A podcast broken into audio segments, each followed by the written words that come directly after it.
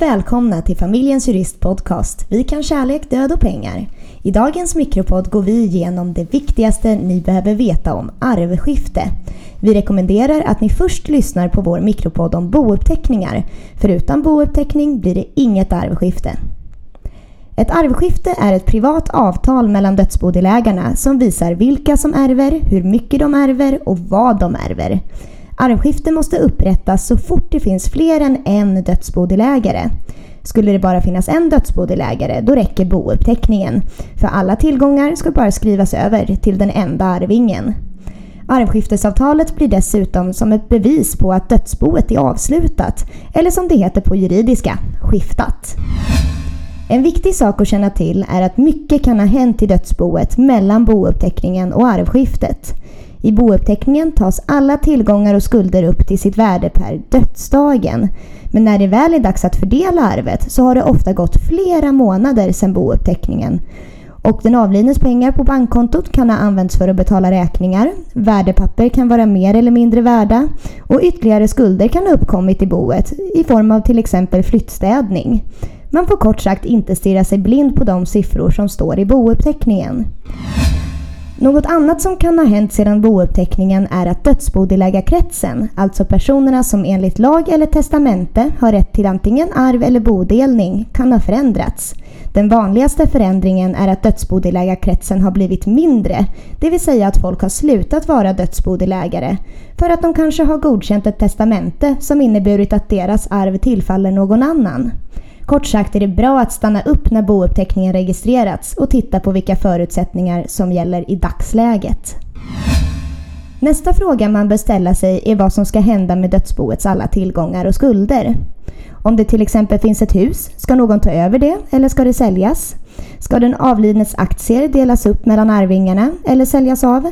Här är det viktigt att tänka på vilka skatterättsliga konsekvenser som kan uppstå. Fråga gärna en av våra duktiga jurister på Familjens Jurist innan ni sätter igång. Om ni skulle råka begå något misstag så går det sällan att rätta i efterhand. I arvskiftesavtalet har dödsbodelägarna full avtalsfrihet. Man kan till exempel komma överens om att den avlidnes smycken inte ska anses ha något värde eller att man ska frångå lagens regler om fördelning av arv. Huvudsaken är att alla dödsbodelägare är överens. För om man inte kommer överens då får man ansöka till tingsrätten som kan se till att det görs ett tvångsskifte. När man är överens om hur arvet ska fördelas så kan man upprätta en arvskifteshandling.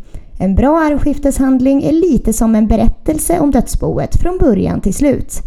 Den beskriver vad som har hänt sedan dödsfallet, vem som har haft hand om dödsboet, betalat räkningar och innehåller förstås också lite information om bouppteckningen.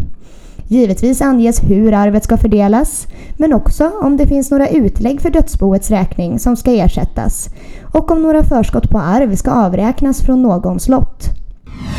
I arvskiftet kan man också passa på att komma överens om vad som ska hända med dödsboet från det att arvet har delats ut till att dödsboet slutar existera. Såsom vem som ska deklarera, vem som ansvarar för att betala in eventuell kvarskatt och hur mycket pengar som ska avsättas för dödsboets kommande kostnader. Själva fördelningen av arvet sker i två steg.